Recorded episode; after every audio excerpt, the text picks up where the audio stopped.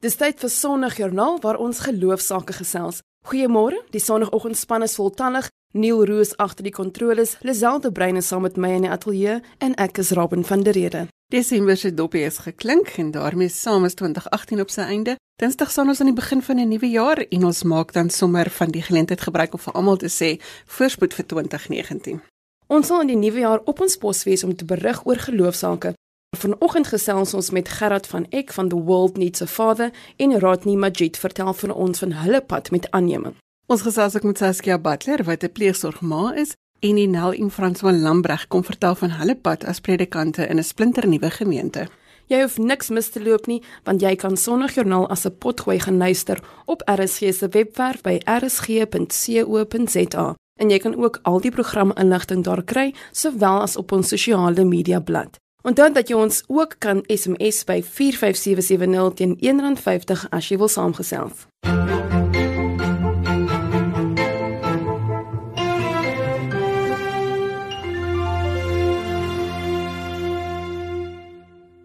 Gerard van Eck is van The World Needs a Father en ons gesels vanoggend oor die rol van paas in die gesin en die gevolge van afwesige paas. Goeiemôre Gerard. Goeiemôre. Vertel ek eers vir ons wat doen julle en hoe het julle op die been gekom? The World Needs a Father is wat ons noem 'n beweging. So 2011 aan die gang gekom na baie lang geskiedenis van vaderloosheid en ook hoe die Here ons gevat het. Ons was sendelinge in Europa en teruggebring en die Here die visie gegee daarvoor. So 2011 ontstaan en ons is daar, ons roeping wat die Here ons gegee het is om manne op te lei sodat hulle ander mans kan oplei. So ons moet multipliseer op 'n goddelike wyse.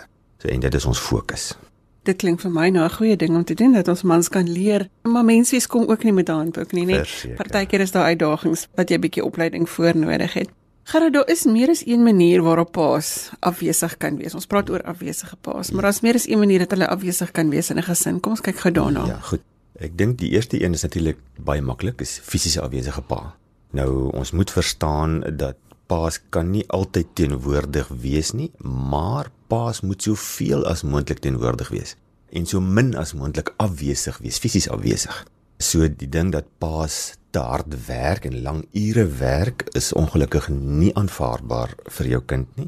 Uh, as hy moet kies tussen die R5000 ekstra 'n maand wat jy verdien of die uur ekstra by die huis wat jy met hom kan spandeer, is daar nie vir hom 'n keuse nie. Dis die uur ekstra by die huis. Uh so die fisiese afwesige maak 'n groot verskil, maar dan sit ons met 'n groot klomp gesinne vandag waar die paas eintlik emosioneel afwesig is. So hulle is daar, hulle is fisies teenwoordig, maar daar's geen intentionaliteit in terme van hulle verhouding met hulle kinders nie. En ek dink die emosionele afwesigheid maak seker die grootste gros van afwesigheid uit en is die moeilikste om eintlik waar te neem van wanneer is 'n pa beskikbaar vir sy kinders en wanneer nie. Daar is seker 'n volgende gesin waar daar net eenvoudig nie paas teenwoordig is nie wat 'n pa afgestorf het. Wat is die probleme wat uit 'n vaderlose verhouding uit ontstaan? Weet jy, ek dink klomp goeters. Ons het dalk nog nie genoeg tyd om alles bedeek te werk nie, maar die feit dat die navorsing het vir ons gewys dat wanneer die pa teenwoordig is, kom ons fokus maar op die positief, wanneer die pa teenwoordig is, dan het daardie kind se intellektuele ontwikkeling is hy verder voor as die sonder 'n pa sy emosionele ontwikkeling is baie beter en kan hy baie meer sosiaal omgaan, baie gemakliker omgaan as die pa daar is. Selfs op 'n fisiese vlak is die kinders meer gesond. So daai studies is ongelooflik bewys eh, dat die statistieke sê net dat wanneer die pa daar is, doen die kinders net beter. Hulle is meer volwasse, hulle is meer gebalanseerd en hulle kan die Engelse praat van resilient. Nê, nee, so alles wat die lewe na hulle toe gooi, het hulle 'n manier om te hanteer. Dit is ook so dat 'n pa onder normale omstandighede eintlik 'n kind se sekuriteit is, nê? Nee. Verseker. Kom ons kyk nou 'n paar praktiese wenke wat ons vir paas kan gee. Dis nou vakansietyd, dis gesinstyd, ons spandeer tyd met mekaar saam. Ek sien nou drie praktiese wenke, daar's dalk meer of daar's dalk minder, maar wat kan paas doen om hulle gesinne en hulle kinders te ondersteun? Ag ek dink baie prakties net pa, jy moet onthou, nê. Nee, jou kinders sal word wat jy is. So wees wat jy wil hê hulle moet wees. Daar's hierdie Engelse gesegde wat sê you teach what you know. but you reproduce who you are. Nee, en pa, jy moet dit mooi hoor dat ons kan nie kinders grootmaak en groei anderster as wat ons self is nie. As ons nie baie intentioneel daar is nie. So ek dink dis die eerste ding, wees bedag op wie is jy? Want die grootste geskenk wat jy vir jou kinders kan gee en vir jou vrou is om so emosioneel volwasse te wees soos wat jy kan wees. Dit beteken dat jy deur 'n klomp goed in jou eie lewe moet werk, jou pyn moet werk, vas in die oë kyk en uh, daardeur groei. Ek dink 'n tweede ding is wees intentioneel in die grootmaak van jou kinders. Kyk net vir 'n oomblik na wat het jou kind nodig van jou in plaas daarvan om te kyk van wat het ek nodig om vir my kind te gee. Daar's nog 'n groot verskil. En ons kom nie altyd op dieselfde plek uit nie. So pa, gaan kyk 'n bietjie na jou en jou kind se verhouding en vra jouself die vraag: so wat het my kind van my nodig? Uh, nie wat kan ek vir hom gee nie. En as jy daai vraag dan antwoord, dan kom jy agter maar jy moet baie intentioneel wees met die grootmaak van jou kinders. Jy moet individueel tyd aan elkeen spandeer want dit is geweldig belangrik. Daai kommunikasie en dis gebeur sonder woorde, maar die feit dat pa daar is en dat pa tyd maak vir die kind, ongeag wat die aktiwiteit is wat ons doen, dit kommunikeer aan die kind. Weet jy, pa wil by my wees en dit herstel sy die binneste vraag wat hy het. Seentjies vra altyd so, wat is hulle grootste vraag wat hulle vra? Hulle vra, het ek wat nodig is om man te kan wees? En dis net pa wat daai vraag kan antwoord. So pa spandeer intentioneel, individueel tyd met jou kinders, want dit antwoord die vraag. Dit voel vir my asof jy baie onderstreep dat mans 'n gesonde selfbeeld moet hê dat hulle self in hulle eie emosionele omstandigheid gesond moet wees. Dis reg. Weet jy, samelewing het mos nou 'n stereotipering van man wees. As mens kyk na algemene media vandag, dan is die algemene pa volgens die media dom, hy's vet en hy's lui. En hy kyk rugby. En hy kyk rugby.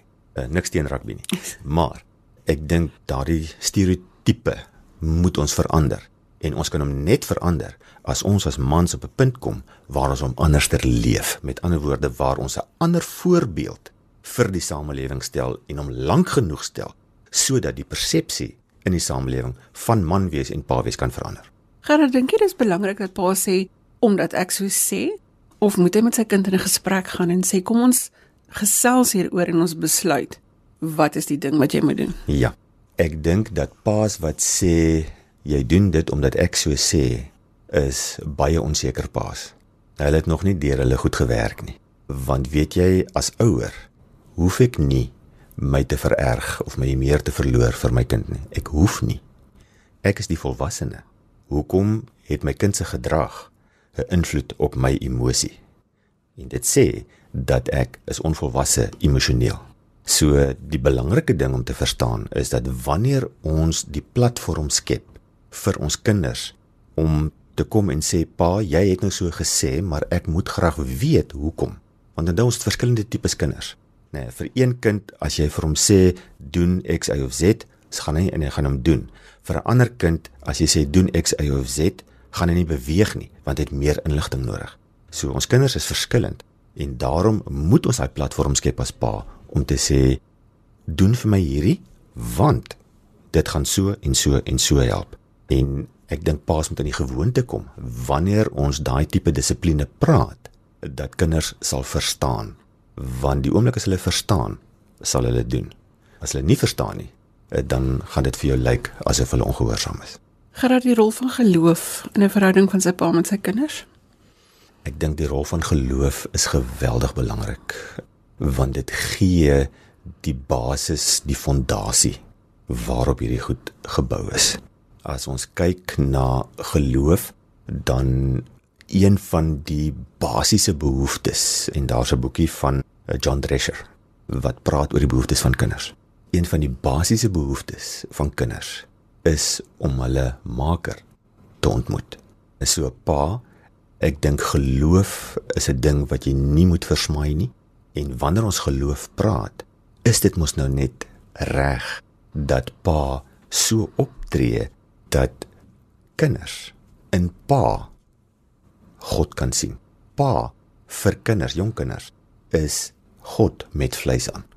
Ons is die eerste beeld van God die Vader wat ons kinders leer ken. En daarom is dit so belangrik in die verantwoordelikheid lê by ons dat ons God sal verteenwoordig vir ons kinders op 'n manier waar wanneer hulle dan self hulle eie geloof met God toets dat hulle God kan aanvaar en sien en beleef en ervaar as 'n liefdevolle Vader. Gerard, baie dankie dat jy vanoggend 'n paar gedagtes met ons kom deel het oor Pa wees. Baie dankie vir die geleentheid. Ek waardeer. Ons het gesels met Gerard van Eck van The World Needs a Father. Om jou eie vlees en bloed kind te hê is nie vir almal beskore nie. Ons gesels vanoggend met 'n paar mense oor hulle gesinne. Hier by ons in die ateljee is Radni Majid en ons gesels vanoggend oor die klein gesiggie wat hulle lewe verander het. Goeiemôre Radni. Goeiemôre Lisiel. Goeiemôre alle luisteraars. Jy het lank probeer om jou eie gesin te begin. Wil jy nie met ons so ietsie deel oor die pad wat jy gestap het om Nikolai se ouers te word nie? Van die begin af ons ons eie kindjie gehad het. Ons was so 'n paar jaar getroud te wees ek en my vrou gedink, okay, ek my vrou Claudia se naam. Ons het gedink kom ons probeer, ons gaan mekaar se leer ken en dan gaan ons probeer om ons eie familie te begin. Wel so 2 jaar na 'n paar onsuksesvolle pogings het ons begin na die dokter so gaan en 'n paar alarmklokkies het begin lui. Daar het ons gevind as iets wat van 'n probleempie en ons het toe begin met fertiliteitsbehandeling. Dit dan ons gelaat dat nou die fertiliteitsbehandeling dit is ook 'n ander paadjie wat 'n man moet loop. Soos in Engels sal hulle sê dis 'n emotional rollercoaster. Want as dit daar wat dit lyk daar's hoop, dan is dit daar wat ons weer hoor ja, maar dis 'n bietjie moeilik die persentasie gewys is die kans so. Lang storie kort is ja, dit was toe nie so gewees nie. Ek het eendag het ek en Claudie, ek het gebid en ek het regtig gevra vir die Here. Maar Here, ons probeer. Ons dien U opreg. Ons gee ons alles vir U in ons plaaslike bediening. U is ons God. Hoe is dit dan moontlik dat U dan nou nie vir ons die deurbraak vir ons wil gee nie? Dis ja, daai oggend toe ek bid, toe antwoord die Here vir my. En die Here sê vir my, "Rodney, hoekom is julle dan so selfsugtig terwyl julle bid?" Vir 'n kind. Eerens is daar 'n ma wat bid vir ouers vir haar kind omdat sy nie haar kind kan voorsorg nie. Bid sy dat daar net iemand moet wees wat haar kind sal aanneem. Dit is daardie oggend is ja, dit het regte waar in men gekom dat dit is wat ons moet doen. Die Here wil hê ons moet 'n baba aanneem. Elkeen se pad is verskillend. Dit is die pad wat die Here saam met ons wil geloop het En ons het gesê ja Here, U is God. Ons gaan in U wil beweeg en dit is hoe ons die aannemingsproses begin het, dis ja. Maar dit vat 'n tydjie, nê? Nee. Begin nie dadelik sê goed, ons gaan dit nou doen nie. Jy het 'n pad gestap emosioneel in jou hart. Dit werk nogal. Dit vat nogal aan 'n man om nou te sê goed, ek gaan eerder iemand anders se kind grootmaak. Ja, alles ja, dit is kyk, ek as man en ook binne in my familie, daar's ook niemand wat kinders aangeneem het nie. Daar is by my vrou se familie, Claudia, daar's niemand by hulle Ek bedoel ons het eintlik vriende geken en mense geken wat kinders aangeneem het nie. En hier is ons in die unieke situasie. Nou, dit is sodat 'n man bevraagteken later jou manhood, as ek dit sou kan sê. En ek het op 'n kolle het ek regte waar begin ding is ek is dan nou 'n halwe man. So te sê en ek en 'n man voel nog as so en 'n man is skaam om my goedjies te erken nie. Maar aan die einde van die dag is dit die Here speel 'n groot rol in my lewe.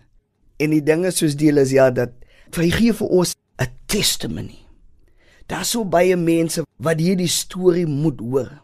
En aan die einde van die dag deur ons testimony, deur net ons storie te vertel, glo ek daar so baie lewens wat aangeraak moet word. Daar's miskien jonge dames, vrouens wat vandag sit in 'n situasie wat dink, wat moet ek doen met die baba binne in my in?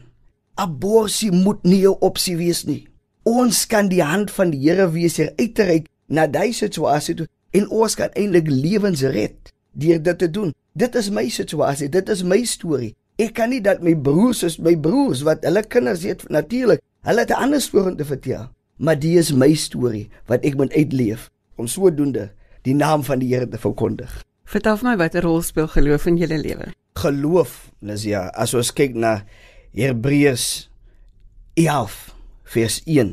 In die King James version sê dit so mooi daar sodat now faith is the substance of all things hoped for evidence of the things not yet seen. Vertaal ek dit in Afrikaans is ja, dan gaan ek sê dat geloof is die materiaal wat die Here gebruik om die ding te bou waarvoor ons hoop. Nou geloof is 'n werkwoord. Dit is moeilik om geloof te hê in die Here as jy nie 'n verhouding het met die Here nie. Nou vir alles waarvoor ons die Here voor vertrou. As ons nie geloof het nie, dan het die Here nie meer materiaal om die ding te bou waarvoor ons glo nie. Dit is aan die ander kant is dit ook die bewys. Daar moet bewys wees dat jy hoop.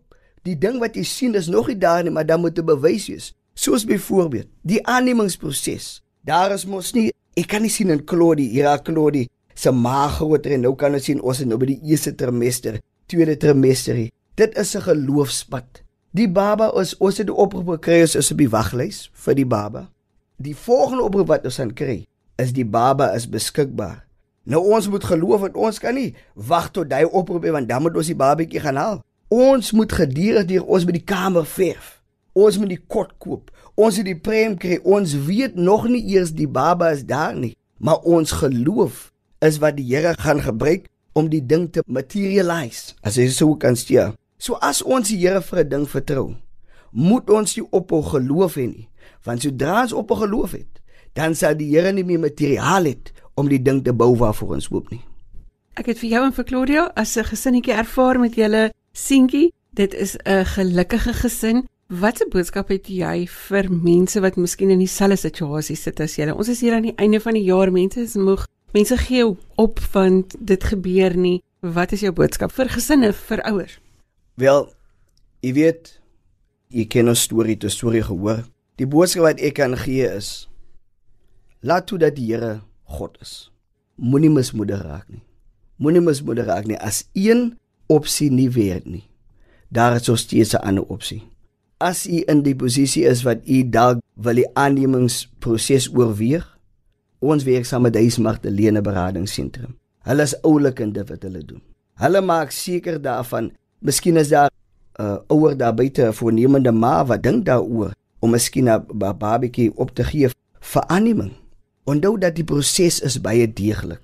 Dit is nie sommer net so 'n proses wat hulle net so randomly kies. Daar's 'n baba, daar's 'n dis 'n deeglike proses. Hulle maak seker daarvan dat hulle weet dit is die geskikte ouers. Die Here is ook betrokke in die situasie. Hulle maak seker dat selfs tot op finansiëel, selfs die ouers is gesond om te kyk na die kind en hulle raadpleeg die Here soveel so dat hulle die ouers en die kind word so perfek gepaar omdat die Here in die dinge is. Dis jy glo my. Nikolai. Hy was dit is nou nie ons biologiese kind nie. Ons het hom aangeneem. En baie keer het man soveel vra. Ons weet nie watter tipe kind gaan ons kry nie. Gaan dit 'n rebelse kind wees? Jy weet Lisie. Dit ons storie so van so aard nie.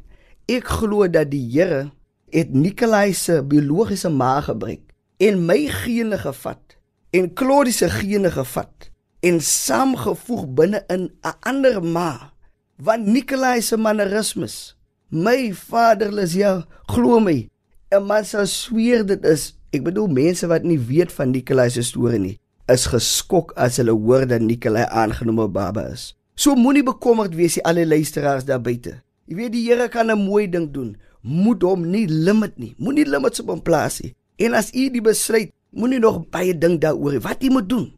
Die Here is in beheer. Vat net hy stap. Vat net hy stap en sê ons gaan die vorms invul. Ons gaan dit doen. En as die een deur oop gaan en die ander deur gaan oop, dan weet julle, die Here is binne die dinge. As die Here nie in die dinge is nie, self uit die staanspoor uit, sal dit onsuksesvol wees.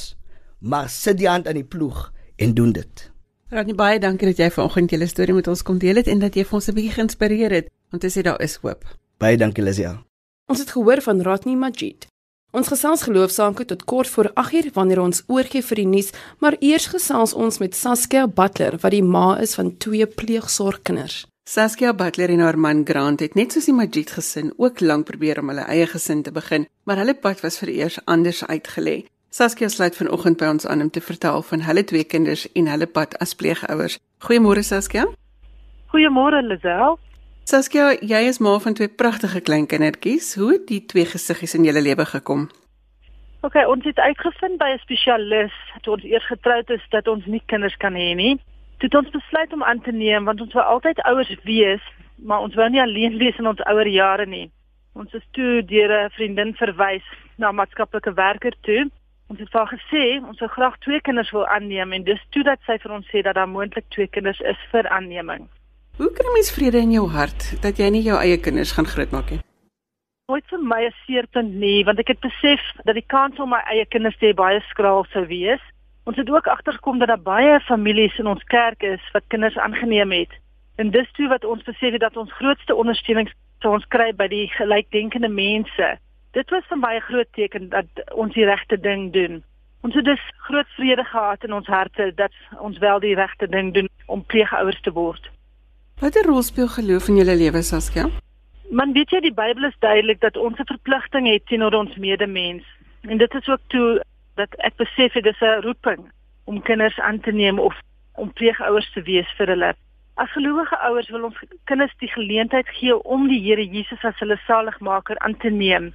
So ja, beslis speel geloof 'n groot rol in die manier waarop ons die kinders grootmaak. En vir julle persoonlik, wat is die pad wat jy met die Here gestap het tot op hierdie punt? van die begin af toe ek het eers in my later jare getrou. So dit was ook 'n uh, groot verrassing en toe het ons begin dink om kinders aan te neem en omdat ons uh, mos nou nie kon kinders hê nie. Want mens wil nie op jou eie wees as jy oud is. Al my boeties en sissies het kinders. So dis altyd 'n ding om nie 'n kind te kan hê nie. En mense vra vra en ja, dis toe ons besluit het maar ons wil ten minste probeer en aanneming was die volgende beste ding. Ja, en dis so dit toe nou uitgewerk het.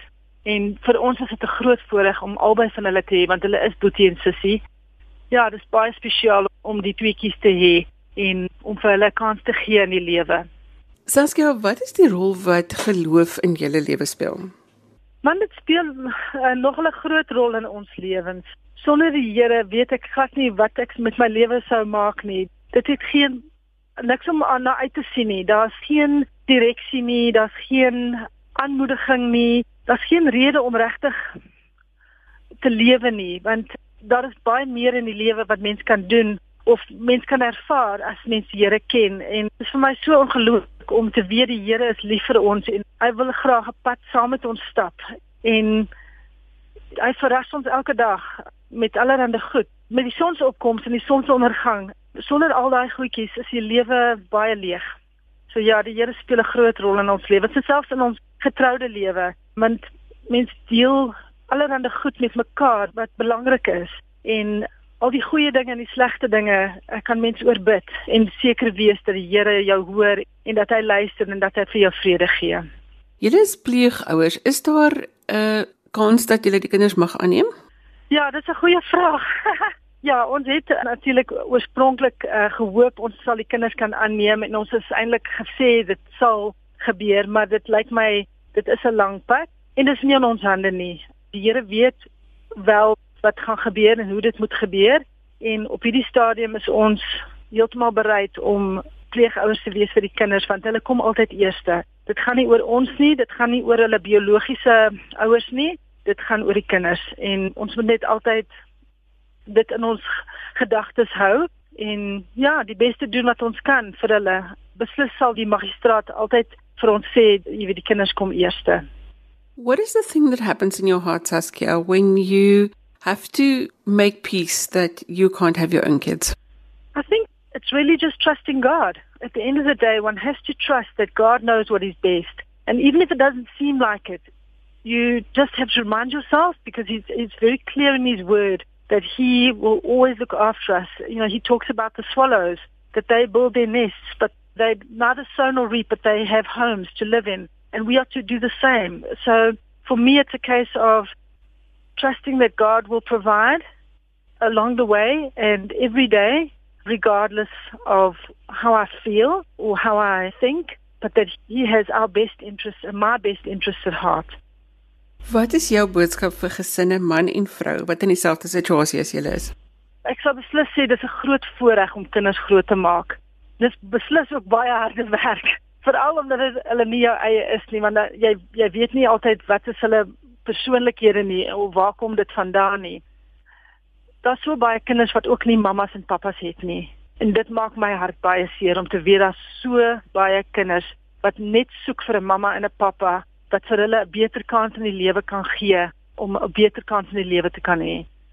Saskia, and what would be your message regarding holding on to God in this situation for parents who are either fostering or adopting? Ja, okay. Beslis een ding wat ek glo die Here vir ons van die begin af gewys het, is dat ons altyd ons hande moet oop hou, want mensies en jy weet kinders word vir ons gegee, maar ons moet ons hande oop hou, want dit is toevertrou aan ons en dit is net vir 'n tydjie. Ons kan hulle nooit vashou nie en we can never expect them to remain in our lives. We've got to let them go at some point. They need to take their wings and fly. So ja, vir ander ouers of vir ander pleegouers of vir aanneemouers sou dit my boodskap wees, moet hulle nooit vashou nie want hulle is nie joune nie, hulle is net joune vir 'n tydjie en dan you got to teach them how to fly. Saskia baie dankie dat jy vanoggend 'n stukkie van jou lewe met ons gedeel het. Baie dankie Lisel, dit is 'n groot voorreg. Baie dankie. Ons het gesels met Saskia Butler oor hulle geloofspad as pleegsorgouers. Ons staan aan die einde van 2018, 'n goeie tyd om al die slegte en negatiewe dinge van die jaar agter te laat en te fokus op die nuwe jaar wat voorlê. Ons wil namens die Sondagjoernaal span vir jou 'n voorspoedige jaar toewens. Ons wens is dat dit 'n jaar van vrede en seën vir almal sal wees.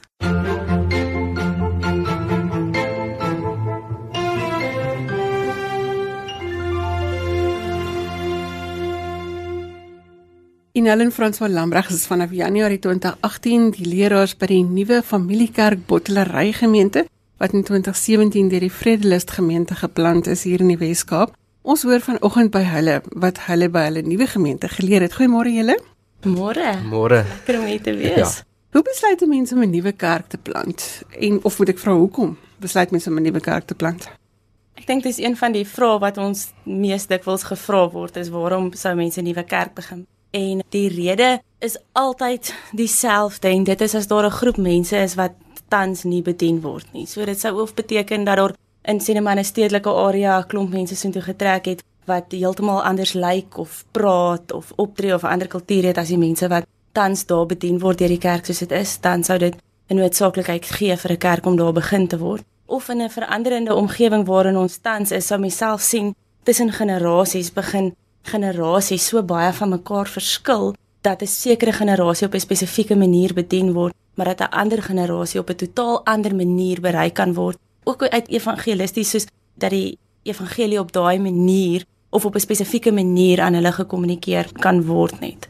Familiekerk Bottelary is op die grens van Kuilsrivier en Brackenfell geleë en tans is dit die snel groeiendste area in die Wes-Kaap waar 'n klomp nuwe ontwikkeling plaasvind en ons het onlangs gehoor dat omtrent 5000 erwe uitgesit is vir ontwikkeling en huise en ek dink dit is die perfekte area om dan by 'n gemeente neer te kan sit. Ons missie is juis om te sê ons wil dinge nuut en anders en vars doen en ons wil daar wees om gemeenskappe en lewens ook dan te verander. En dis die hartklop van hoekom ons kerke wil plant. So is nie noodwendig jy moet wag by 'n ander gemeente of by 'n ander kerk nie. Dit is bloot net jy skep 'n ruimte waar mense wat soos julle dink kan ingaan. 100%, maar ek dink jy kan dit beter gesê het nie. Dit is presies die persoon wat by familiekerk instap en dis presies die persoon wat ons tans bedien. Ons almal weet nou pastoor het bepaalde uitdagings en julle is beide predikante. Hoe werk dit?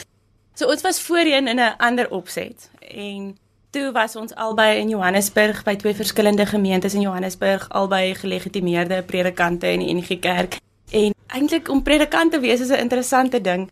Om predikant te wees is nie om 'n beroep te hê wat jy van 9 tot 5 net jou vaste kantoorure het en vanaand die deur agter jou toemaak nie. Dis eerder 'n leefstyl as 'n beroep. En ons het begin agterkom in dit dat ons besig is om twee verskillende drome te droom vir twee verskillende gemeentes. En ons was nie heeltemal seker of dit die Here se wil vir ons is nie en dat hy juis ons saamgeroep het om saam in die bediening te wees.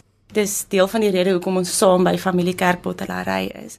En tans beleef ons dat dit presies dit gebeur het toe dat Familiekerk Bottelary het ons lewe geword.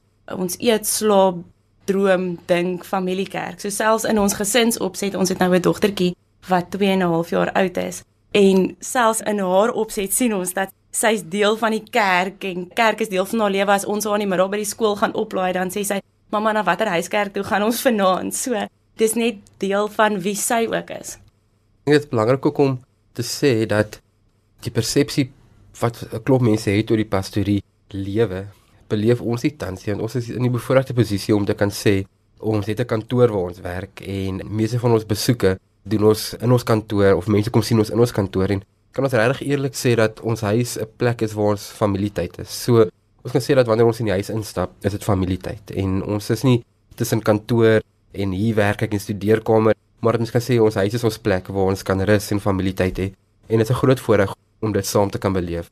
En hulle het ook genoem van die huiskerke. Julle maak baie staat op vrywilligers om die gemeente te laat werk en te laat funksioneer. Vertel ons ja. daarvan. Dit is die kern van familiekerk is ons volonteërs. Ons kan nie sonder hulle nie. Dit is onmoontlik om kerk te wees sonder ons volonteërs. Tans is die uitdaging dat die ouens wat inkom dat ons vir elkeen 'n plek kan vind waar hy of sy doenig kan wees en 'n ding wat ons spesifiek vir ons volonteërs sê om te sê dat ons is saam in die bediening. Daarso waar jy parkering aanwys, die ou groet by die deur, die kinderregistrasies, die koffie maak of wat ook al, is 'n bediening. Ons het gevind dat navorsing ook sê dat baie keer die mense wat vir die eerste keer by jou gemeente inkom, 'n connection maak met die eerste ou wat hy ontmoet. En die uitdaging is om daai ouens te sê, "Maar stap 'n pad saam met daai ouens en vat hulle in." Ek dink daar's 'n persepsie rondom kerke dat die dominee al die werk moet doen. En tans is ek en die Nel op een salaris, so ons werk vir die helfte van die salaris. Sien ons is die enigste betaalde amptenare, amptenare sou kan sê by familiekerk Bottelary wat vir my amazing is. En hierdie is nie ons te doen nie, maar die ouens wat vrywilligers is, is ouens wat hulself kom aanmeld en te sê maar ons is deel van hierdie koninkryk. Ons is deel van hierdie mense wat, wat hande en voete vir die Here wil wees. En ek kan dit sien in elke ou wat kom opdaag vir sy diens op 'n Sondag te sê maar ek is hier om mense te werf, mense te kry in te trek, ook om deel te wees van sy koninkryk. Hoe maklik is dit om 'n kultuur te skep wat weg is van die stywe, rigiede, amper as ek die kerk in aanhalingstekens kan sit, want vir hulle is dit 'n baie gemaklike gestyl is julle gemeente min of meer dieselfde. Ons is baie gemaklik. So die klere wat ek en die Nel vandag aan het, is die klere waarmee ons kerk toe gaan. Ons glo dat die klere waarmee jy in die week aantrek, is die klere waarmee jy kan kerk toe kom en, en dit is absoluut wat ons by familiekerk sien. Ons het 'n baie gemaklike styl. Om 'n kultuur te verander is ongelooflik moeilik. Ek dink is van die moeilikste goed om te kan verander binne 'n kerk. En ek dink dis deel van die voorreg om deel te kan wees van kerkplanting want jy begin met 'n nuwe blaadjie jy kan van die begin af sê dis ons DNA, dit is wat ons wil doen. Een van die mooi stories net wat ek wil vertel van iemand wat tot bekering gekom het aan die begin van verlede jaar en wat tans een van ons ons praat van ons dream team leiers is die ouens wat die vrywilligers is. Hy sê dat hy nie iemand anders die voorreg wil ontneem om 'n vrywilliger te wees nie, omdat dit so groot voorreg is om deel te kan wees van kerk om nie net bedien te word nie, maar om self te bedien. En daarom is hy 'n dream team leier. Dat hy sê hy wil ouens help om so vinnig as moontlik ingetrek te kan word en om deel te word sodat hulle self ook kan bedien. Hoe dink julle moet gelowiges dink oor hulle eie gemeentes, daar waar hulle tans is, waar hulle besig is om hulle geloof uit te leef? Ek dink hulle besef dat die verantwoordelikheid net so groot hulle sin is as wat dit enige ander persoon is in die gemeente waar hulle is en dat dit nie net van een persoon afhang om hierdie te maak werk nie. Soos hy nou ook nou gesê het, dit is 'n voorreg om te kan bedien. Dit is 'n voorreg om te kan besig wees in die Here se koninkryk en ons beleef net dat hoe meer betrokke die ouens raak op ons volonteerspanne en ons huiskerkspanne, hoe meer kom daar deurbrake vir hulle. Ek kan vir julle dit sê dat 3, 4 maande terug is al mense wat sê hulle is op pad om te trou en hulle kort finansiële deurbraak nou en die huiskerk sê maar kom ons bid. Kom ons tree in en 3 maande later toe wen hulle 'n prys van 200 000 rand. En uh, dit is my amazing hoe daai goed gebeur. Dat dit nie een persoon is wat vir daai koppel gebid het nie, maar 'n familie was wat ingetree het, 'n familie wat mekaar ondersteun het. En kerk op die eenvoudig kom op neer dat dit 'n span sport is, hmm. dat almal 'n deel het daarvan. Ja, mens staan jy vir dit so goed saam want dat toe hy nou sê die familie, dit, ek dink die hele vrywilliger ding gaan nie oor dit wat jy moet kom doen nie, want dan is dit mos nou maar eintlik net dominees wat nie hulle werk doen nie, wat die werk vir ander mense gee. Ek dink die hele ding van vrywilliger is om deel te word van 'n familie en van 'n ondersteuningsstruktuur en dat dit die enigste manier is om deel te maak. So maak nie saak waar jou gemeente is nie of jy hier op 'n klein dorpie is, maak seker dat jy so gou as moontlik deel word van die groepie wat pannekoek bak of wat koeksusters bak of doen wat gedoen word want dit is die enigste manier hoe jy deel word van die familie en ondersteun gaan word en dan verander 'n ou se hele vooropgestelde idee van ek is hier om bedien te word na ek is hier om te dien en ek is hier om vir myself te gee en so word jy in elk geval ook bedien. En nou wat het hierdie nuwe kerkplanting vir jou eie geloofslewe beteken? Het dit verander?